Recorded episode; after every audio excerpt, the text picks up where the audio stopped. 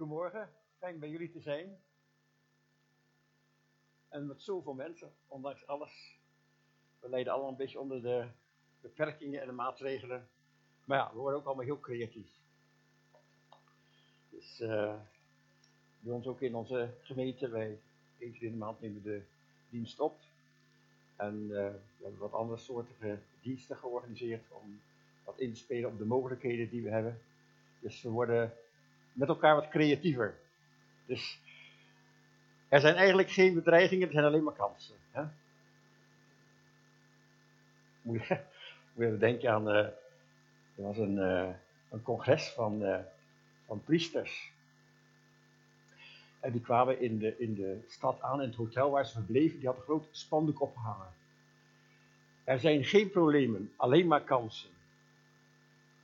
En uh, een van de priesters die uh, ging naar de receptie en die zegt um, tegen de receptionist: uh, Ik heb een probleem.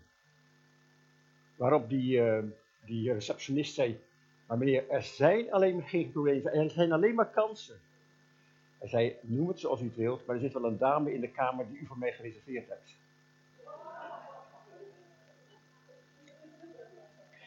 Goed. Um, we gaan het hebben over uh, zaken doen. Business.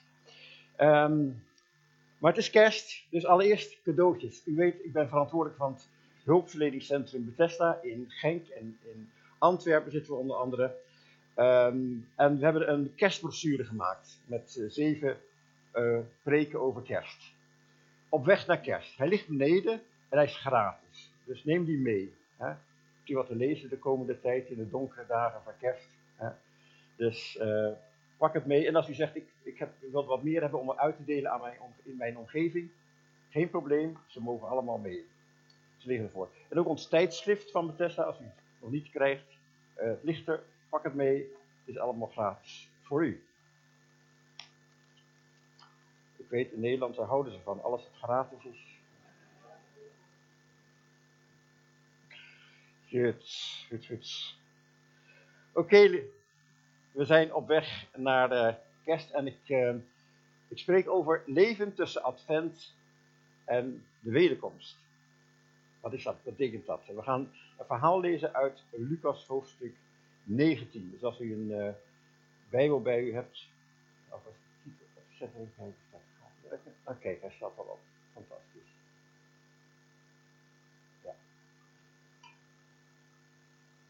Tussen Advent en Wederkomst. En we gaan lezen in Lucas hoofdstuk 19.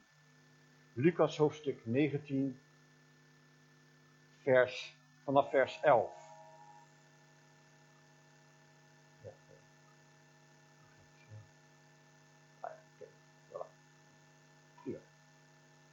Lucas hoofdstuk 9. Ik hoop dat u allemaal een Bijbel bij u hebt.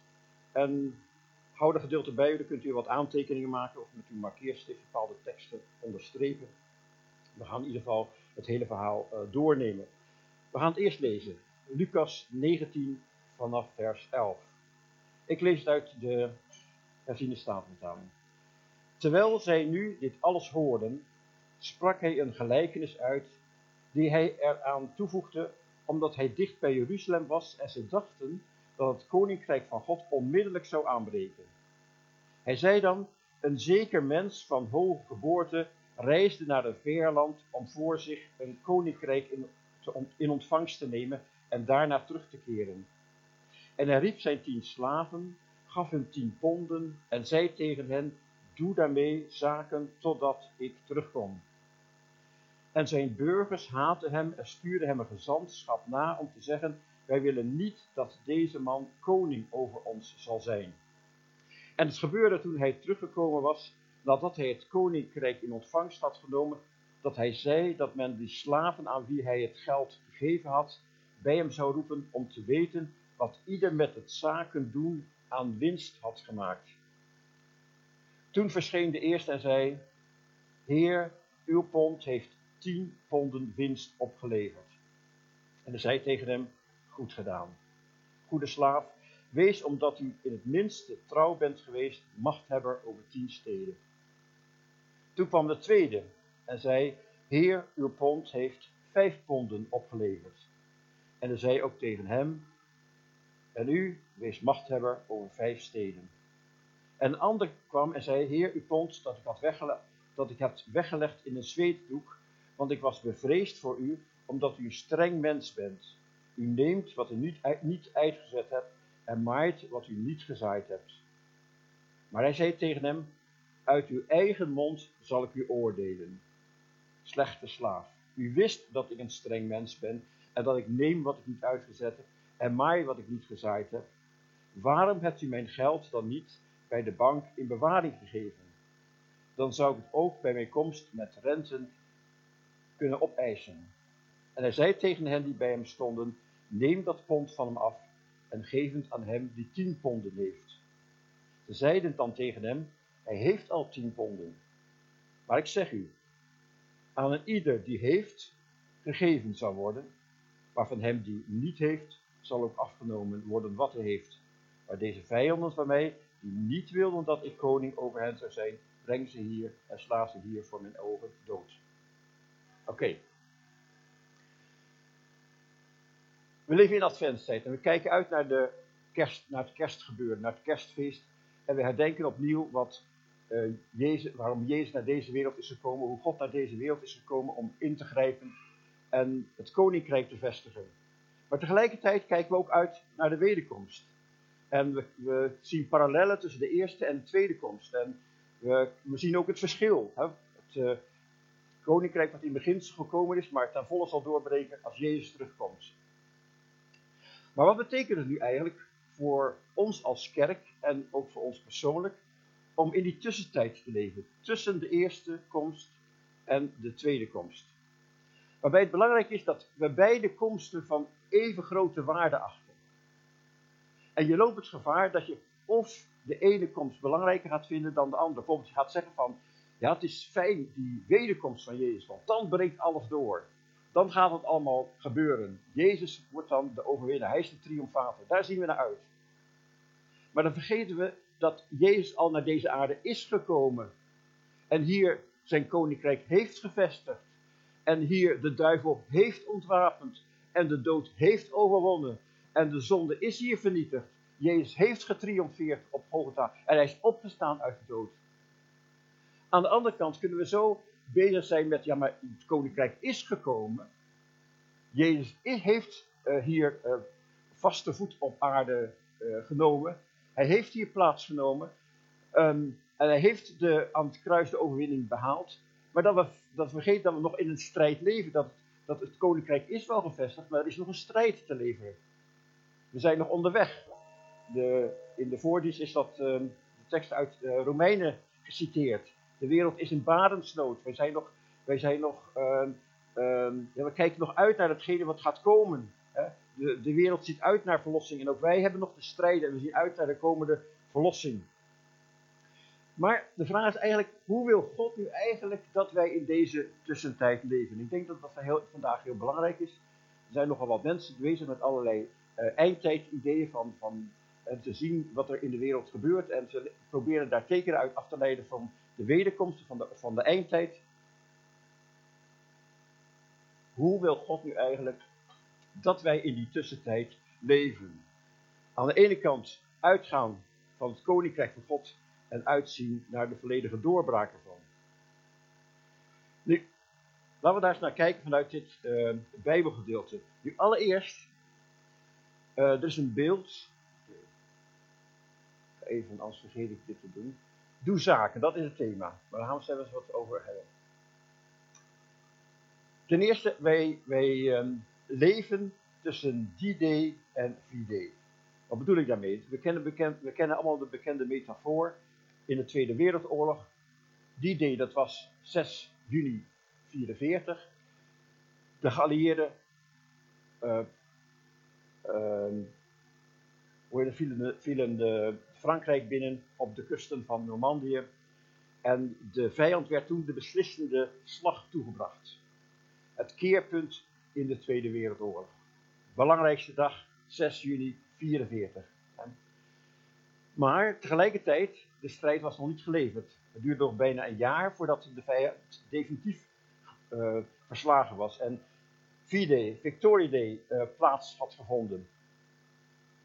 Toch was er iets uh, gebeurd, want de troepen die vanuit Normandië Frankrijk en de andere landen van West-Europa binnentrokken, die waren bemoedigd, die wisten het keerpunt is bereikt. Het keerpunt is bereikt. De, de beslissende slag is geleverd. Maar tegelijkertijd waren ze voorbereid, we hebben nog een strijd te leveren. En we gaan pas stoppen als de vijand definitief is verslagen. Nu moeten we altijd voorzichtig zijn met elk beeld wat we, wat we gebruiken. Maar toch, ik denk dat daar iets van in zit. Van, we weten dat de beslissende slag geleverd is. Jezus heeft overwonnen. De duivel is verslagen. Het is Goede Vrijdag geweest. Hè? De dag dat de revolutie begon, zegt Tom Wright. Hè? Belangrijkste dag in de wereldgeschiedenis. Pasen. Jezus is opgestaan uit de dood. Maar tegelijkertijd hebben we nog strijd te leveren. En zoals in openbaring staat, de duivel die weet dat hij nog weinig tijd heeft, dus hij spant zich enorm en hij is enorm bezig. Onlangs uh, vergeleek iemand, en dat vond ik een prachtig beeld, de kerk is een, is een oorlogsschip, een vliegdekschip. dat vond ik een prachtig beeld. Hè? Een vliegdek, dus geen, geen cruiseschip, geen vakantieboot. Een oorlogsschip is de kerk. En zoals op een, uh, op een vliegdekschip de vliegtuigen komen landen om weer even uit te rusten, om bij te tanken en dan weer volop de strijd in te gaan. Zo komen wij hier samen op zondagmorgen om even bij te tanken, om weer nieuwe, nieuw voedsel tot ons te nemen, om weer opnieuw bewapend te worden. En we gaan weer de strijd in. Want we zijn allemaal vliegtuigen die strijden. We zijn in oorlogstijd. We zijn niet hier om vakantie te vieren. De kerk is niet bedoeld om het gezellig te hebben. Veel mensen zeggen dat, ja maar het is niet zo gezellig in de gemeente. Ik zoek een andere gemeente waar het wat gezelliger is. Sorry. De kerk is geen cruiseschip. Het is geen vakantieboot. Het is niet om even gezellig met elkaar te zijn. Het is om hier te strijden. Dus eigenlijk zouden hier allemaal in camouflagekleding moeten zitten, in legerkleding en zo. Ik, uh, ik wandel bij ons regelmatig zo. Uh, we zitten prachtig bij, ook bij de natuur en zo. En als ik dan terug naar huis wandel, dan kom ik over het oude kerkhof. En daar staat een prachtige, hele grote grafsteen van een oud burgemeester. Er staat een oud strijder. Dat vind ik eigenlijk mooi, oud strijder. Wij zijn nog geen oud strijders, maar ik hoop dat ze van mij mogen zeggen, als ik er niet meer ben, hij was een oud strijder. Ja, oud strijder voor het koninkrijk van God, want dat zijn wij. Ja. Wel, ik denk dat, het, dat de Bijbel gelukkig heel wat te zeggen heeft over die tussentijd. De tussentijd waar wij nu in leven. Vers 11. Vers 11. Omdat de mensen dachten dat het koninkrijk van God onmiddellijk zou aanbreken. Dat is de reden waarom Jezus dit verhaal vertelt. Jezus zag die tussentijd heel duidelijk voor zich. Niet als een wachtruimte, niet als een lege ruimte. Niet van, nou, we gaan stil maar, wacht maar, alles wordt nieuw. Zo van, we gaan rustig in een hoekje zitten totdat het allemaal op ons afkomt. Nee, met een tijd, met een bestemming, met een doel. En hij bereidde zijn discipelen voor van, ik heb een taak voor jullie, een missie. En ik geef instructies hoe jullie die tussentijd moeten oppakken, wat jullie moeten gaan doen. En dan gebruikt hij dat prachtige voorbeeld van een man van hoge geboorte, die reisde naar een, uh, een uh, ver land om het koninkrijk in ontvangst te nemen en daarna terug te keren. Nu, dit verhaal was bij de Joden heel erg bekend. Omdat toen Herodes, uh, de koning Herodes overleden was, zijn zoon Archelaos, die ging naar Rome om het koningschap over Juda in ontvangst te nemen. En normaal zou je daar ook recht op hebben. Maar een delegatie van de Joden reisde hem achterna en vroeg aan de keizer om dat absoluut niet te doen. De keizer deed het ook niet. Hij mocht wel uh, als het ware aspirant koning worden, maar uh, hij moest het als het ware eerst nog bewijzen in de proeftijd. Hij werd daarover zo enorm kwaad dat hij wraak heeft genomen op de Joden die hem dat geleverd hebben. En alsnog is hij dan door de keizer uh, afgezet als koning over Juda. Nu dat verhaal verweeft, tegen dat verhaal gebruikt Jezus eigenlijk om zijn verhaal duidelijk te maken. Om te laten zien van hoe het zit met het koninkrijk van God. Nu voor ons is dit verhaal nog veel duidelijker. Want wij leven naar Pasen. En wij weten, Jezus is naar de hemel gegaan om het koningschap in ontvangst te nemen. en om terug te keren als koning over deze aarde. En dat is al beloofd in Daniel. Daniel 7, waar staat: En, en zie, er kwam met de wolken van de hemel iemand als een mensenzoon. Hij kwam tot de oude vandaag en men deed hem voor zijn aangezicht naderbij komen. En hij werd, hem werd gegeven een heerschappij, eer en koningschap en alle volken, naties en talen moesten hem vereren. Zijn heerschappij is een eeuwige heerschappij die hem niet ontnomen zal worden en zijn koningschap zal niet te gronden gaan. Wel, die belofte is vervuld met hemelvaart. Toen Jezus naar de hemel ging, werd die belofte vervuld. Dus, dus zo, omdat het tussentijd is, is Jezus wel koning. Ook al is Jezus op dit moment in de, in, de, in de hemel, wij weten dat hij koning is over deze wereld. Hebreeën 2 zegt het zo. Met heerlijkheid en eer hebt u hem gekroond. U hebt hem gesteld over de werken van uw handen. Alle dingen hebt u onder zijn voeten onderworpen. En dan, dan maakt hij dat nog eens duidelijk door dat extra zinnetje toe te voegen. Want bij het onderwerpen van alle dingen aan hem heeft hij niets uitgezonderd dan hem niet onderworpen is. Halleluja. Alles is hem onderworpen. Jezus triomfeert. Er is niets wat niet uh, onder zijn uh, heerschappij is.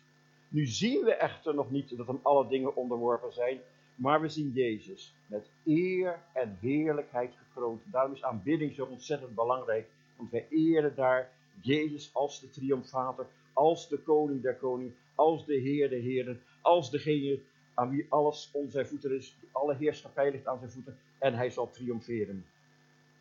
En als Jezus terugkeert, is dat als een koning, om zijn koningschap hier op aarde op te nemen.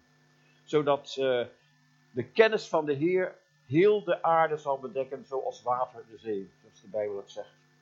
Nu, daarom moeten we geen genoegen nemen met de wereld zoals hij is. Wij zijn ambassadeurs van het nieuwe koninkrijk. En we moeten ons voortdurend afvragen, hoe zou Jezus het willen? Ons gebed is elke keer opnieuw het gebed van het Onze Vader. Uw koninkrijk komen op aarde. Uw wil geschieden op aarde zoals in de hemel. Dat is ons gebed. Uw wil geschieden op aarde zoals in de hemel. God wil dat de gerechtigheid van de hemel op de aarde neer. En wij mogen daarvoor bidden. Wij mogen dat proclameren. Wij zijn ambassadeurs van het koninkrijk. We hoeven niet te wachten tot Jezus terugkomt. Nu al mogen wij voorposten van het koninkrijk van God hier op aarde oprichten. En het zal met strijd en met problemen gaan, maar God wil dat we dat gebed bidden. U wil geschieden op aarde zoals in de hemel. Als Jezus zegt, zoek eerst het koninkrijk van God, dan zegt hij niet, kijk naar het koninkrijk wat in de verte ligt. Hij zegt, zoek het koninkrijk van God nu in deze wereld. Bid en u zal gegeven worden. Bid om het koninkrijk en je zult tekenen van het koninkrijk gaan zien in je eigen leven en in de wereld om je heen. Dat is onze opdracht. Vers 12. En daarna terug te keren. Wel, dat is ons toekomstperspectief. En alles in het leven, in ons leven, staat in het teken van die zin. Op de middelbare school, eerste les perspectief tekenen. Ik weet het nog goed. Ik ben niet veel verder gekomen dan die eerste les, maar dat weet ik nog wel. We moesten één rechte lijn tekenen, van links naar rechts op het blad, de horizon. En we moesten vanuit het middelpunt van die horizon, moesten wij uh, de rest gaan, de andere lijnen tekenen, zodat alles precies op zijn plaats zou komen. Nou, die eerste rechte lijn, daar ben ik in geslaagd. De rest is wat ingewikkelder geworden. Maar ik vind het een mooi beeld. Dat is ons beeld. Wij, wij hebben een horizon. En de horizon is, Jezus komt terug. Maar hij komt terug om zijn koninkrijk volledig te laten doorbreken deze wereld. Dat is ons perspectief. En alles wat we in ons leven meemaken, staat in het teken van dat komende gebeuren. Alles wat we meemaken, ons werk, onze studies, onze liefdes, ons gezin, onze hobby's, onze geldbesteding, onze ontspanning, onze vriendschappen, ons vrijwilligerswerk, alles staat in het teken van de wederkomst van Jezus Christus. Alles heeft betekenis voor het koninkrijk van God. En alles wil God laten medewerken naar dat punt. Het punt dat alles betekenis heeft voor Jezus en voor zijn komst. Als Jezus terugkomt, dan zal opeens heel onze levensloop betekenis hebben. Alles wat we in ons leven hebben meegemaakt, ook aan pijn en verdriet en strijd. Het zou allemaal betekenis krijgen op het moment dat Jezus terugkomt. Wij denken heel vaak, dan zal het allemaal voorbij zijn. Nee, dan krijgt het betekenis. Krijgt het betekenis. Wat is nu onze opdracht? De opdracht waar wij van staan is het volgende. Hij riep zijn tien slaven, gaf hun tien ponden en zei tegen hen: Doe daarmee zaken totdat ik terugkom. In een andere vertaling staat: Drijf handel. Ik hou daarvan. Ik ben absoluut niet zakelijk, maar ik ben zakelijk geworden. Doe zaken voor het koninkrijk van God. We hebben een opdracht, een missie. Doe zaken. En op een andere plaats dan laat Jezus zien dat het gaat om uh, de hongerigen eten te geven en de naakten te kleden en de dorstigen te laten drinken en de vreemdelingen gastvrijheid te verlenen en de zieken te bezoeken. En bij de hemelvaart dan zegt Jezus, um, verkondig het evangelie over heel de wereld en maak alle volken tot mijn discipelen en doop ze in mijn naam en leer en onderhouden al wat ik jullie gezegd heb. Maar goed, laten we hier focussen op die tekst. Drijfhandel, doe zaken. Dat is dus niet uh, de winkel open houden of op de spullen passen of uh, zorgen dat er niets gebeurt. Dat betekent actie, dat betekent risico's nemen. Zaken doen was risico nemen. En zaken is nog steeds risico nemen. Het is nog steeds riskant. Als Jezus terugkomt, dan heeft de eerste, of die, als de Heer terugkomt, dan heeft de eerste slaaf van 1 10 ponden gemaakt. Er wordt dus blijkbaar iets van ons verwacht. Als wij tot bekering komen, dan verwacht God iets van ons. Dat is een teken van, ik geloof in jou. Als Jezus zijn discipelen roept, dan zegt hij, ik ga van jullie vissers van mensen maken. Ik geloof in jullie, ik vertrouw jullie. En het is uh, dat besef wat ons in actie moet brengen. God gelooft in ons, God vertrouwt in ons. Hij verwacht ook dat wij resultaat zullen boeken. Hij verwacht ook dat ons leven vruchtbaar zal zijn. Hij verwacht dat er iets gaat gebeuren in ons leven. En dat er wonderen en tekenen plaatsvinden. En dat er dingen gaan veranderen doordat wij in actie komen. God gelooft in ons. Weet je, wij leven in een hele bijzondere tijd. Een spannende tijd. En in deze tijd is het heel bijzonder dat alles mondiaal is. Niet alleen de pandemie. Als er in Zuid-Afrika iemand met een virus besmet wordt, dan raakt de rest van de wereld in paniek. Maar het geldt ook de economie, het geldt ook de financiële wereld, het internet. Alles staat met alles in verbinding. Het goede, maar ook het kwade verspreidt zich vliegensvlug via de digitale netwerken over de hele wereld. Problemen kunnen vandaag niet meer per land worden aangepakt. Het vraagt om een mondiale aanpak. Met name kijken naar de milieuproblemen. En daarmee een heel uh, typisch kenmerk de machteloosheid van de wereldleiders. Men is zo bezig met zichzelf dat men niet het algemeen belang voor ogen kan stellen. Kijk maar naar wat er in Glasgow is gebeurd. Prachtige woorden, maar uiteindelijk heel veel kennis, maar heel weinig wijsheid. Weet je, en welk eindtijdscenario er ook op nahoudt, hè, uh, één ding is zeker, we hebben Jezus nodig. Want alleen Jezus kan het antwoord zijn op alle problemen die er in deze wereld zijn. Hij is de vredevorst waar de wereld op wacht. Is een oud uh, adventslied dat zegt, nu daagt in het oosten en dan staat er, hij komt de volken troosten. Dat vind ik prachtig. Hij komt de volken troosten. Waar de volken naar verlangen. Waar de volken ten diepste op hopen, is Jezus. Of een ander adventslied. Ik hou nog wel van die oude, uh, ouderwetse uh, adventsliederen, dat mag op mijn leeftijd. Uh, hoe zou ik u ontvangen? En dan staat er dat zinnetje, des werelds hoogst verlangen. Diepst verlangen van deze wereld is de wederkomst van Jezus. Jezus is het antwoord op het diepste verlangen van ieder mens. Oké, terug naar onze opdracht. Hoe moeten wij nu handel drijven voor het koninkrijk van God? Hoe kunnen jij en ik van 1 pond 10 ponden gaan maken? Zakenmensen die uh, gebruiken alle tendensen en die zien overal kansen in. En dat is eigenlijk wat God van ons vraagt. Dat we zakenmensen zouden zijn. En dat we gebruik maken van wat Hij ons heeft gegeven.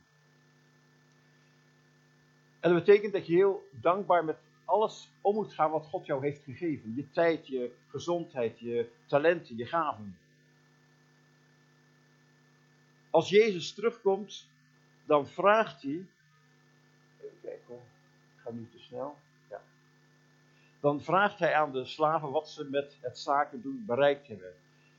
Om te weten wat ieder met het zaken doen aan winst had gemaakt. God wil niet weten of je je best hebt gedaan.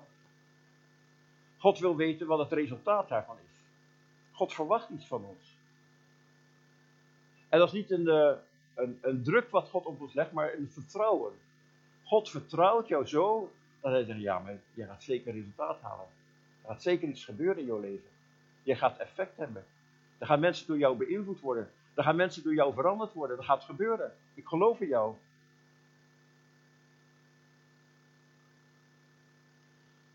Nu staat er in dat verhaal ook iets negatiefs. Er is iemand die heeft zijn talent begraven. Weet wel, in Matthäus gaat het over talenten, hier gaat het over ponden. Iemand die zegt, ik heb mijn pond heel goed bewaard. Ik heb het in een zweethoek gedaan. Ik, ik heb gezorgd dat er niks aankwam. Stop, netjes in de kluis. Niemand wist het. Ik heb het goed bewaard. Helemaal af. Ik ben tot bekering gekomen. Ik heb mijn ticket naar de hemel goed, goed bewaard. Hier hebt u het terug. Maar God zegt, nee, ik had iets van je verwacht. God vertrouwt ons. God verwacht iets van ons. God hoopt op iets. Veel meer dan wij zelf hoopt God dat ons leven vruchtbaar is voor anderen. Dat het resultaat heeft, dat anderen erdoor beïnvloed worden. Dat is wat God, uh, God hoopt. God kijkt vol hoop naar ons leven. Deze man zegt: Nee, ik heb het hier verstopt, ik heb er niks mee gedaan. Hier hebt u het terug. Weet je wat zo opvallend is? Dat degene die het verstopt heeft en er niks mee gedaan heeft, dat hij een negatief beeld heeft. Een negatief beeld heeft van zijn Heer. Dat wil zeggen, als wij een negatief beeld hebben van God, zullen we weinig voor God gaan doen. Andersom, als wij veel voor God gaan doen, betekent dat wij een goed beeld hebben van God. Als u denkt dat God streng is en oordelend en straffend, dan zal dat u enorm belemmeren in uw geestelijke groei. Er zal er weinig resultaat in uw leven zijn. Maar als u gelooft dat God goed is en barmhartig en liefdevol en u in u gelooft en ons waardevol vindt, en dat God alleen maar positief is, dat God alleen maar goed is, als u dat gelooft, dan gaat er iets gebeuren in uw leven.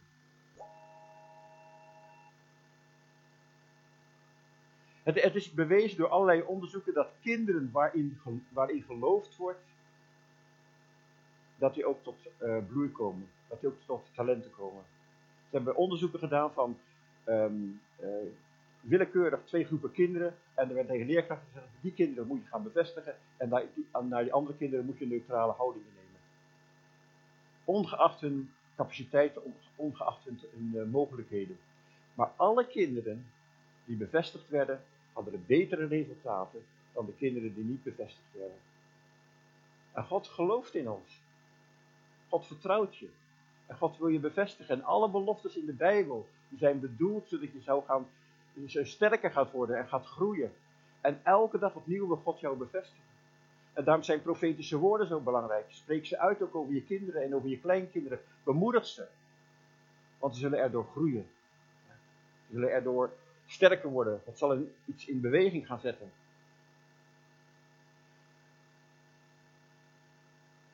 De man zegt, u bent streng, ik ben bang voor u, u bent een dief. Wat is jouw beeld van God? Ik ben zelf heel streng opgevoed met een heel negatief godsbeeld. De donkere kant van God, de straffende God. God die alleen maar bezig was met mensen naar de hel te laten gaan. Met zo'n God kom je niet erg vooruit komt te weinig groei in je leven. Dan blokkeer je alleen maar. Maar God is liefde. God is alleen maar goedheid. Er is, God is alleen maar licht, daar is geen spoor van duisternis. En al het goede komt van Hem.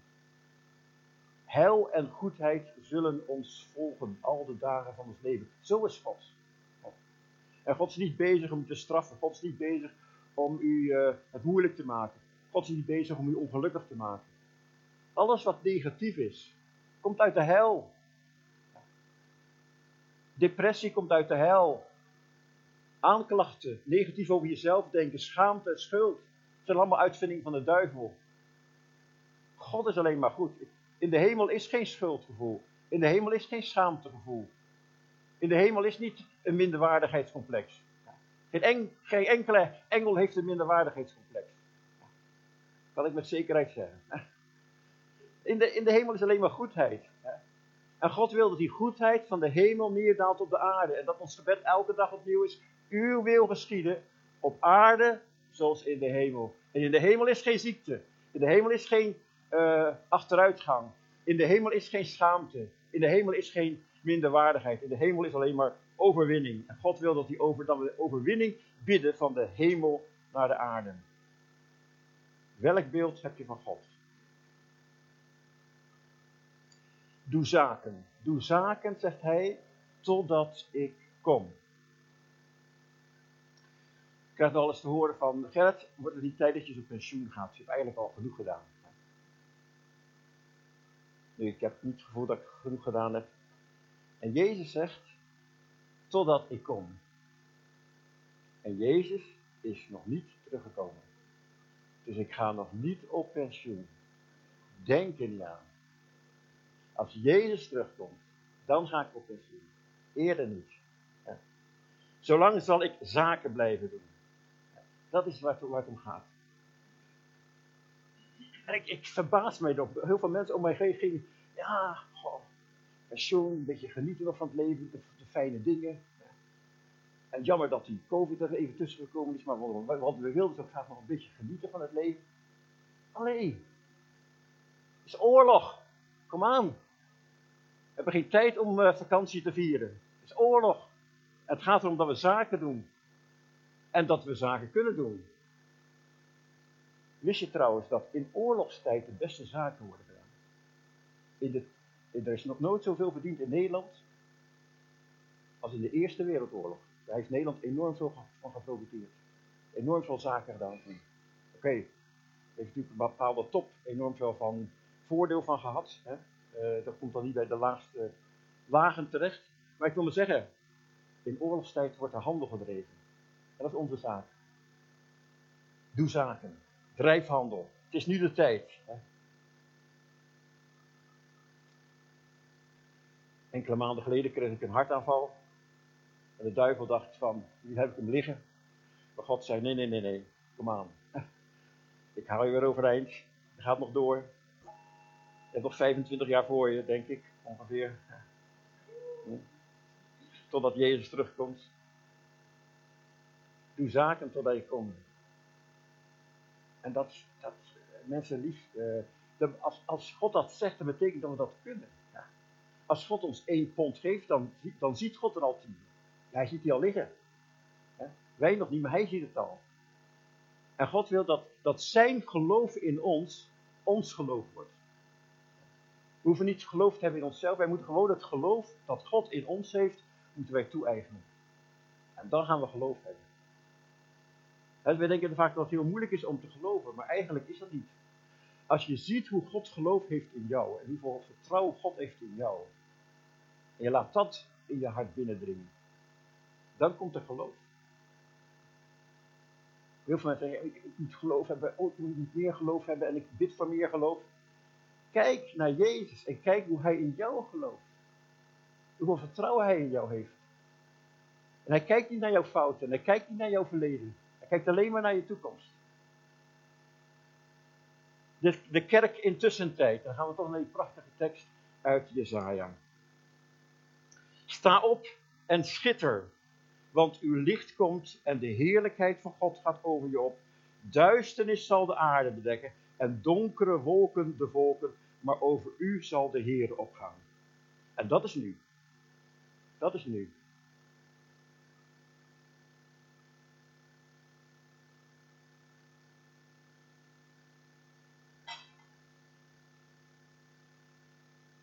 Het is aan nu, nu om aan ons om handel te drijven. Het is nu aan ons om de strijd in te gaan. Het is nu om de kansen te gebruiken. Weet je, de, de donkere wolken die gaan over de, over de volken. Maar wat er allemaal in deze wereld gebeurt, betreft niet de kerk van Jezus Christus. Want wat de kerk van Jezus Christus betreft, sta op, wordt verlicht en de heerlijkheid van God gaat over je om. Dat is de kerk. En als wij gaan denken van, ja, we leven in een moeilijke tijd, we zullen even afwachten hoe het uh, verder gaat en wat er dan gaat gebeuren, dan doen we net als de wereld. Als we bang zijn voor allerlei eindtijdideeën, uh, uh, dan zijn we net als de wereld bezig. Want de wereld denkt dat ook. Hè? Mijn oudste dochter is niet gelovig, maar ze een enorme eindtijdspecialist. Ze weet precies hoe slecht de wereld in elkaar zit. Ja? Je hoeft vandaag ook geen Bijbel te lezen om te weten dat het eindtijd is. Je moet gewoon de krant lezen. Ja. Maar je moet de Bijbel lezen om te weten dat het koninkrijk van God doorbreekt in deze wereld. En dat we daarvoor bestemd zijn.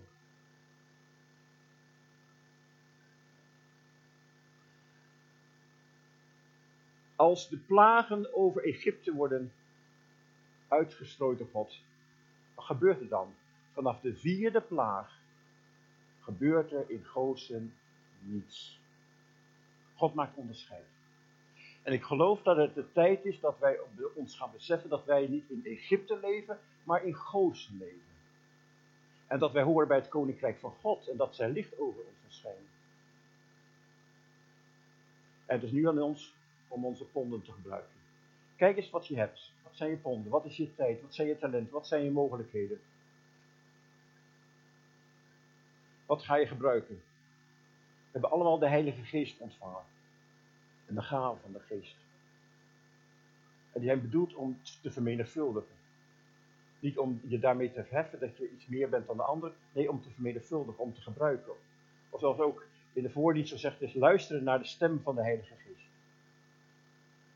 Is nu de tijd om de kerk op te bouwen. En om te weten wat je hebt. En als ik, kijk, naar mijn eigen leven kijk, wat heeft God mij allemaal gegeven? Ik heb heel veel opleidingen gevolgd. Ik heb heel veel ervaring in de hulpverlening. Ik heb heel veel ja, netwerk opgebouwd. Vriendschap van broeders en zusters. Allemaal enorme talent en gaven waarvan God zegt: Oké, dat zijn jouw ponden, gebruik ze ter volle. Momenteel ben ik online weer met een opleiding bezig. Want ja, nog een beetje mee de komende 25 jaar, dus ik moet nog wat bijstuderen. Hè? Ik heb ook een geweldige vrouw gegeven. Ik heb ook tegen God gezegd, mag ik daar 10 ponden voor? Nee. Dus uh, we houden we één. Maar goed, ze telt ook voor 10 dus. Ja. De Heer, de, de slaaf zegt tegen de Heer, het is uw pond. Het is wel van de Heer. Het is van, niet van ons, hè. Wat God ons heeft gegeven. Het is aan ons om te gebruiken. En we leven in een, in een hele bijzondere tijd.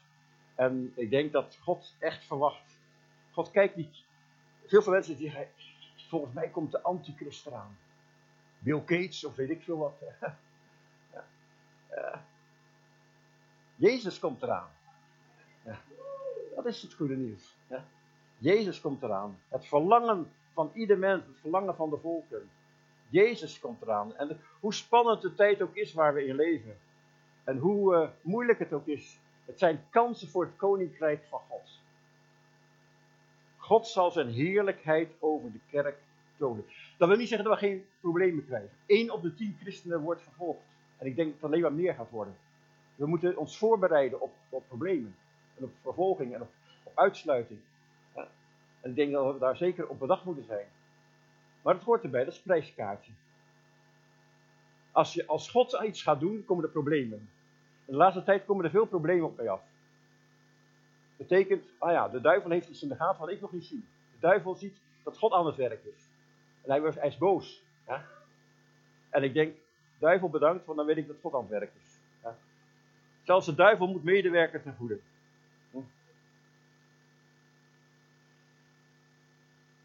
Ik zie persoonlijk iets heel moois gebeuren bij de komende generatie. God gaf mij onlangs een beeld. Ik moest spreken voor uh, jonge scholieren, de middelbare school. God gaf mij het volgende beeld. Als een, een kapitein op een oceaanschip en heeft alle oceanen kunnen bevaren, heeft daar allemaal zelf het stuur in handen kunnen nemen. Op het moment dat hij bij de Vlissingen de Westerschelde opgaat, moet hij het roer uit handen geven en komt er een loods en die bepaalt hoe het schip van Vlissingen naar Antwerpen vaart. Ja? Wel, die taak van loods, dat gaat de komende generatie zijn. God is nu een generatie voorbereider van tieners, van adolescenten, die de loodsfunctie in de maatschappij gaan vervullen. Het zou misschien een kleine groep zijn. Eén loods, maar het bepaalt wel het hele schip. Ja. Kleine Gideonsbende, maar God gaat het gebruiken. En daarom moeten wij de jonge generatie gaan zegenen. En profetieën over hen uitspreken. En woorden en over hen uitspreken. En beloftes van God uitspreken. Want God gaat iets doen met de jonge mensen. Ja. En het is onze taak niet zozeer om ons op onszelf te focussen. Het is onze taak om de jonge generatie te moedigen. Zoals Paulus dat gedaan heeft bij Timotheus. Van hé, hey, Timotheus, je kunt het en je zult het doen. En je hebt een geest ontvangen, niet van angst, maar van kracht en van liefde. Laten we daarom ervoor gaan en geloven dat God iets prachtigs gaat doen in, bij, bij de nieuwe generatie. En laten we het goud in hen zien. En ik zie nogal wat mensen van mijn leeftijd zo heel erg gefocust op hun eigen leven. Op, oh, mijn comfort is er een beetje aan. Mijn, mijn, mijn veiligheid en, mijn, mijn onzeker, en dus onzekerheid in mijn leven gekomen. Dat prijst de Heer. Het is goed dat er onzekerheid komt, dat er af en toe geschud wordt aan ons leven. Dat we opnieuw moeten gaan nadenken. Weet je, en, en de, een leger zet zijn elite troepen in, in het heetst van de strijd. En God gebruikt zijn elite troepen in het heetst van de strijd. En God is nu zijn elite troepen aan het klaarmaken, aan het trainen, aan het vormen. En we zullen verrassende dingen gaan doen. En wat mij opvalt bij de jonge mensen, dat, dat ze als zij vervuld zijn met de Heilige Geest, dat ze een autoriteit hebben wij nog niet hadden van durven dromen. En ik zie daarin iets veel bijzonders. Ze zullen een autoriteit hebben die groter is dan wij ooit gedacht hebben. En ze zullen een vrijmoedigheid hebben, een, een, een beeld van genade hebben dat ruimer is dan wij ooit verkondigd hebben. Hoe vaak hebben wij niet het woord van genade verkondigd van God houdt van je, God vergeeft je, maar, en dan komen wij met onze regeltjes af. Waar wij allemaal aan moeten voldoen. En de jonge generatie heeft dat woordje maar geschrapt. En de genade grenzeloos uh, zullen zij dat verkondigen. En ik ben benieuwd. En ik kijk vol verwachting naar de toekomst. Want ik weet, God heeft die jonge generatie voorbereid. God is daarmee bezig. God is die aan het bekwamen. God vormt zijn elite troepen. Dus ik ben benieuwd. Ik, ben, ik vind het een spannende tijd en ik zie uit naar wat God gaat doen. Halleluja.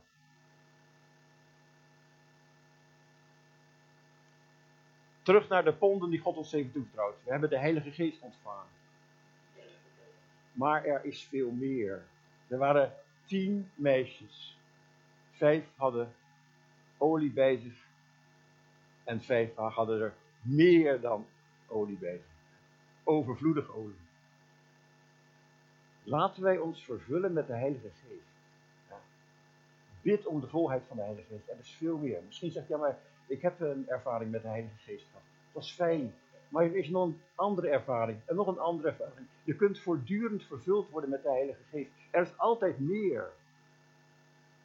En het is gevaar dat je als je wat ouder wordt, dat je terug gaat kijken naar het verleden. En zegt, ah, dat was toch bijzonder. En toen heeft God me bijzonder aangeraakt. En toen heeft God mij gebruikt. Dat is fijn.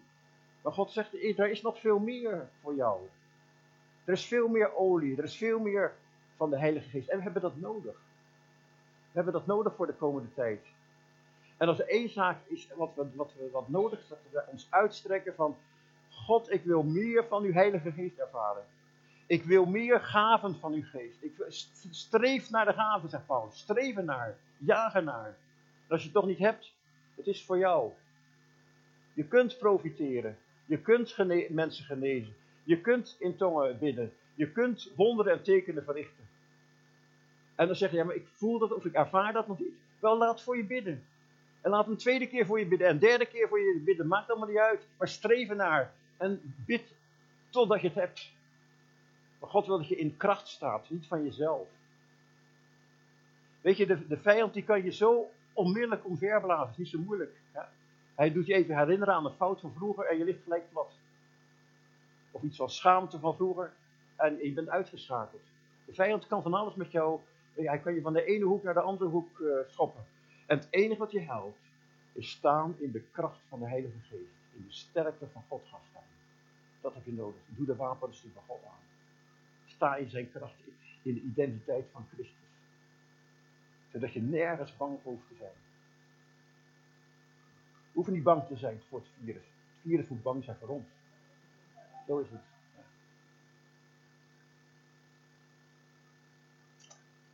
Oké. We gaan naar het laatste. Wanneer komt de Heer terug? Wanneer komt de Heer terug? Daar wordt nogal over gespeculeerd. Wanneer komt de Heer terug? Is dat over zeven minuten? Over zeven dagen? Over zeven jaar? Over zeventig jaar? We weten het niet, maar ik, ben enorm bemoedigd door deze tekst.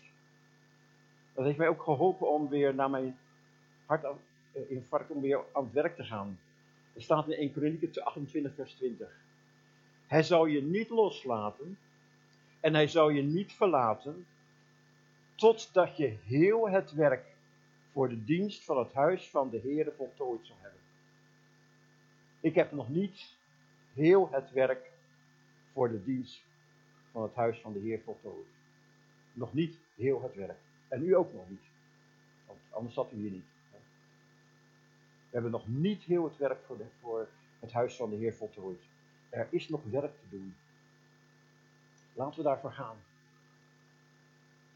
En laten we het oppakken. We zeggen, God, daar is nog werk voor ons. En u gelooft in ons. En u heeft de oplossingen al klaar. En u zult ons de weg wijzen. En we zullen overwinning gaan zien. En daarom heb ik het volgende besloten voor mezelf. Ik ga in zaken. Heb ik beloofd. 2022, ik ga in zaken. Mijn vrouw zegt eindelijk. Word eens, word eens wat zakelijker. Ik ga in zaken. Maar dat is natuurlijk, dat is niet zo belangrijk. Wat veel belangrijker is, wat gaat u doen? Dat is het punt. Wat gaat u doen?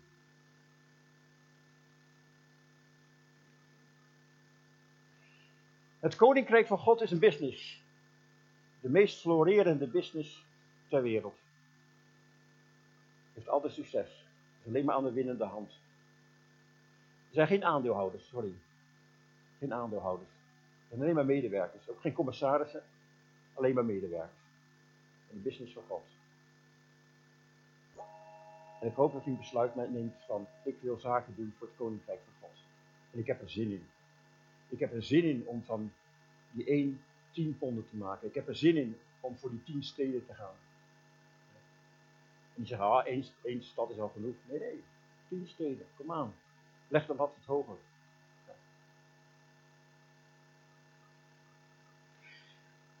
Ik ben altijd heel erg bezig als ik ergens spreek van wat heeft de gemeente nodig? Wat is het woord van God voor deze gemeente?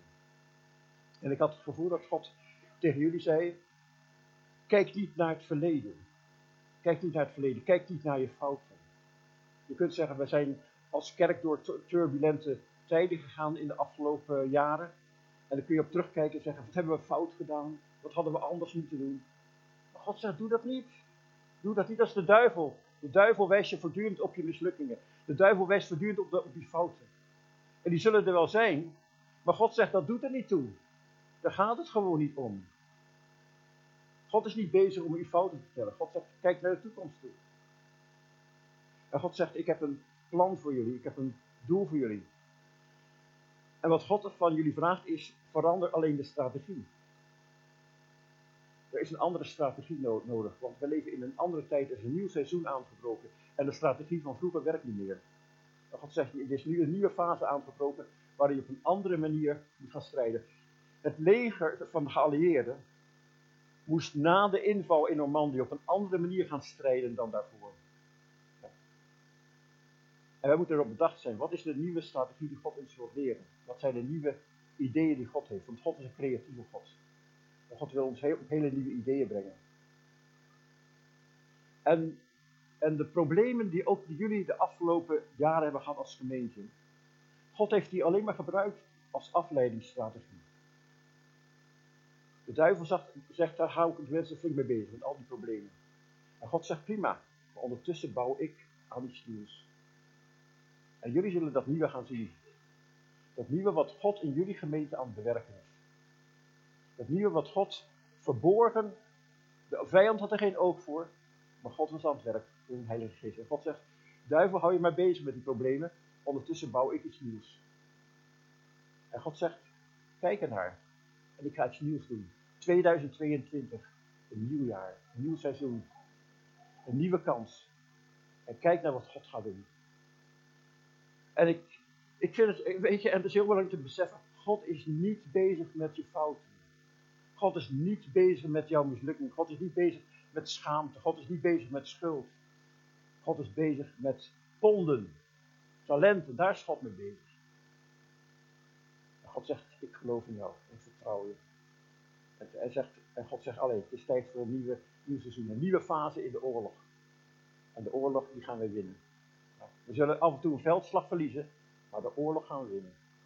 Jezus is overwinnaar. En laten we daarvoor gaan met elkaar. Laten. En als u, met mij, als u met mij in zaken wil gaan doen, ga dan staan en ik ga een zegen over u uitspreken.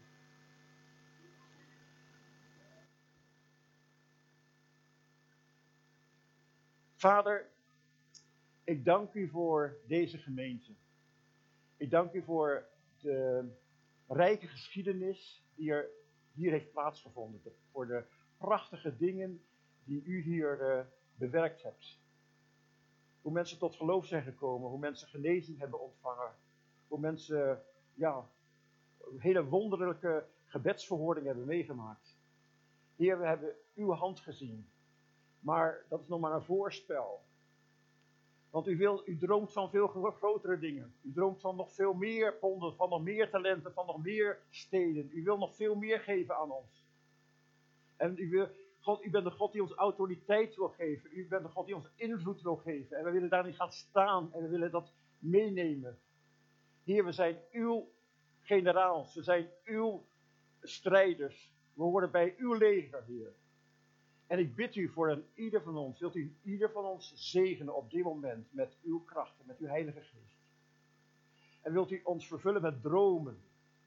Dromen voor onszelf, dromen voor onze kinderen, dromen voor onze kleinkinderen, dromen voor onze, uh, onze familie, dromen voor situaties op ons werk, dromen misschien wat we moeten gaan doen met onze financiën. Heer, het is tijd voor nieuwe dingen. En we willen die nieuwe dingen van u zien, Heer. We willen ons richten op dit koninkrijk wat doorbreekt in deze wereld.